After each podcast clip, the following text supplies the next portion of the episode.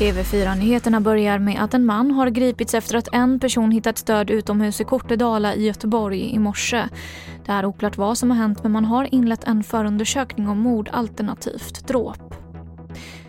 Den svarta lådan från planet som kraschade i södra Indien har hittats enligt Myndigheten för civil luftfart. 18 personer omkom när passagerarplanet från flygbolaget Air India gled av landningsbanan när det skulle landa under ett kraftigt regnoväder igår. 190 passagerare fanns ombord på planet. Sverige skänker 4,8 miljoner kronor i stöd till Beirut via Röda Korset. Samtidigt så vittnar hjälporganisationerna om ett stort engagemang från privata givare. Sedan den 5 augusti så har Röda Korset fått in 2,5 miljoner kronor i privata donationer. Och så kan jag också berätta att beståndet av lax ökar kraftigt i norra Sverige. Ekolodsundersökningar i Torne älv visar att återväxten är god och börjar närma sig tidigare års toppnoteringar.